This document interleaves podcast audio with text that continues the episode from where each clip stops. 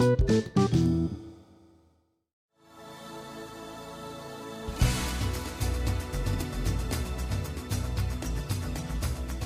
kita mengetahui indeks inventory turnover, adakah manfaat lain dari diketahuinya indeks inventory turnover tadi, Pak?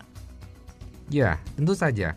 Khususnya jika kita mengetahui inventory turnover dalam hari, maka pemanfaatannya adalah untuk mengetahui kesehatan arus kas perusahaan. Mari kita perhatikan contoh berikut ini. Pada umumnya, Retail tidak membayar tunai untuk setiap pembelian yang dilakukannya. Pemasok memberikan tenggang waktu pembayaran.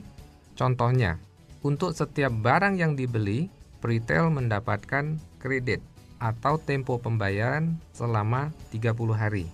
Nah, jika kita mampu melakukan aktivitas perputaran barang dan setelah dihitung menghasilkan perputaran barang selama 22,5 hari, sedangkan kita mendapatkan tempo pembayaran 30 hari, maka bisa dipastikan bahwa arus kas atau cash flow perusahaan sangat sehat. Artinya, pada saat seluruh barang sudah terjual, kita masih belum waktunya untuk membayar kepada pemasok. Artinya, dana tunai atau cash kita surplus dan tersedia di bank untuk dipergunakan nanti.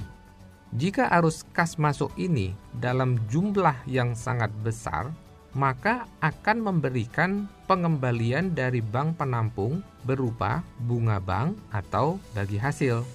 Sebaliknya, jika perputaran barang kita dalam hitungan hari melampaui batas kredit atau tempo pembayaran yang diberikan oleh pemasok, maka yang terjadi sebaliknya.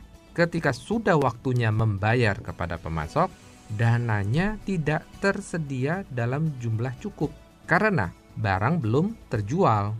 Artinya, peritel bahkan harus meminjam dari sumber lain untuk membayar kewajiban kepada pemasok yang sudah jatuh tempo tersebut.